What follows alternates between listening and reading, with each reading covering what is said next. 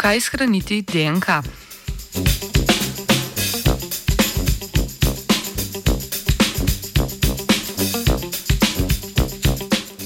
Velike količine podatkov so del našega vsakdanjika. Običajno jih najdemo shranjene na trdih diskih, kot medij za shranjevanje podatkov pa je možno uporabiti tudi molekulo DNK. Danes zjutraj bomo slišali, kako so znanstveniki in znanstvenice uspeli shraniti informacijo o DNK in to DNK uporabiti v materialu pri 3D tiskanju.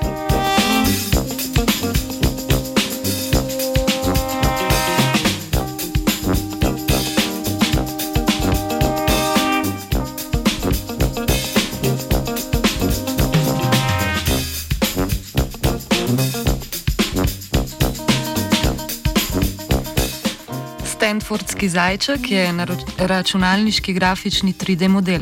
Raziskovalna ekipa je v eksperimentu pretvorila slikovno informacijo v obliki Stanfordskega zajčka v DNK zaporedje.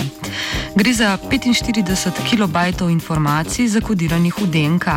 Najprej so binarno kodo enic in ničel razdelili na kratke, neprikrevajoče se odseke, na to pa so s postopki kodiranja prišli do ustreznega zaporedja binarnih parov. Nič, nič, nič, ena, ena, nič, ena, ena, ki so jih lahko prevedli v črkovno kodo DNK, nukleotide A, C, G in T. Prevedeni nukleotidi so tvorili oligonukleotide, krajše verige DNK, ki so jih na to pomnožili in uporabili v vlak vlaknih umetnega materijala.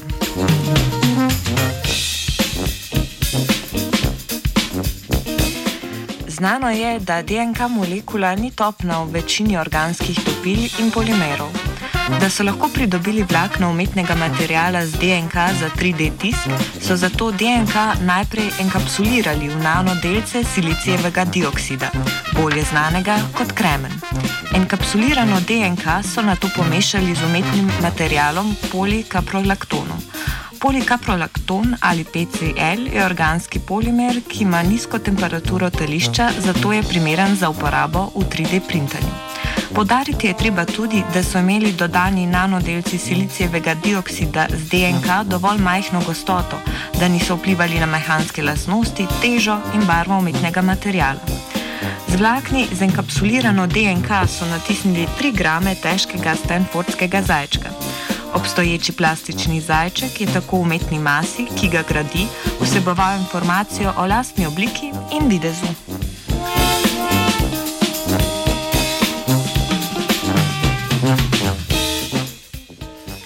Zanimalo jih je tudi, kako se informacija v DNK ohrani v umetnem materialu.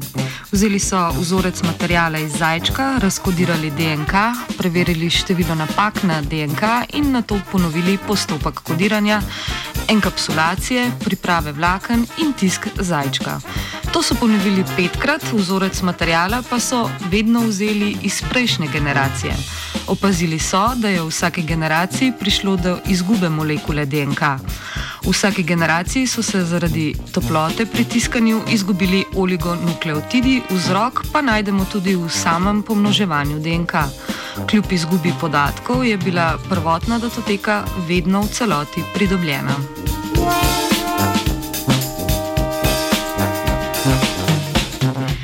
Zanimanjem lahko spremljamo, kako se bo ta metoda shranjevanja podatkov spreminjala in uporabljala v prihodnje.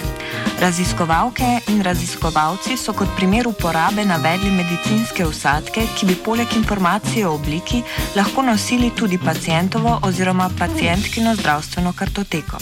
Glede dejanske uporabnosti tega pristopa pa imamo še čas za razmislek, saj bi bila ta tehnologija zaenkrat za posameznice in posameznike predraga.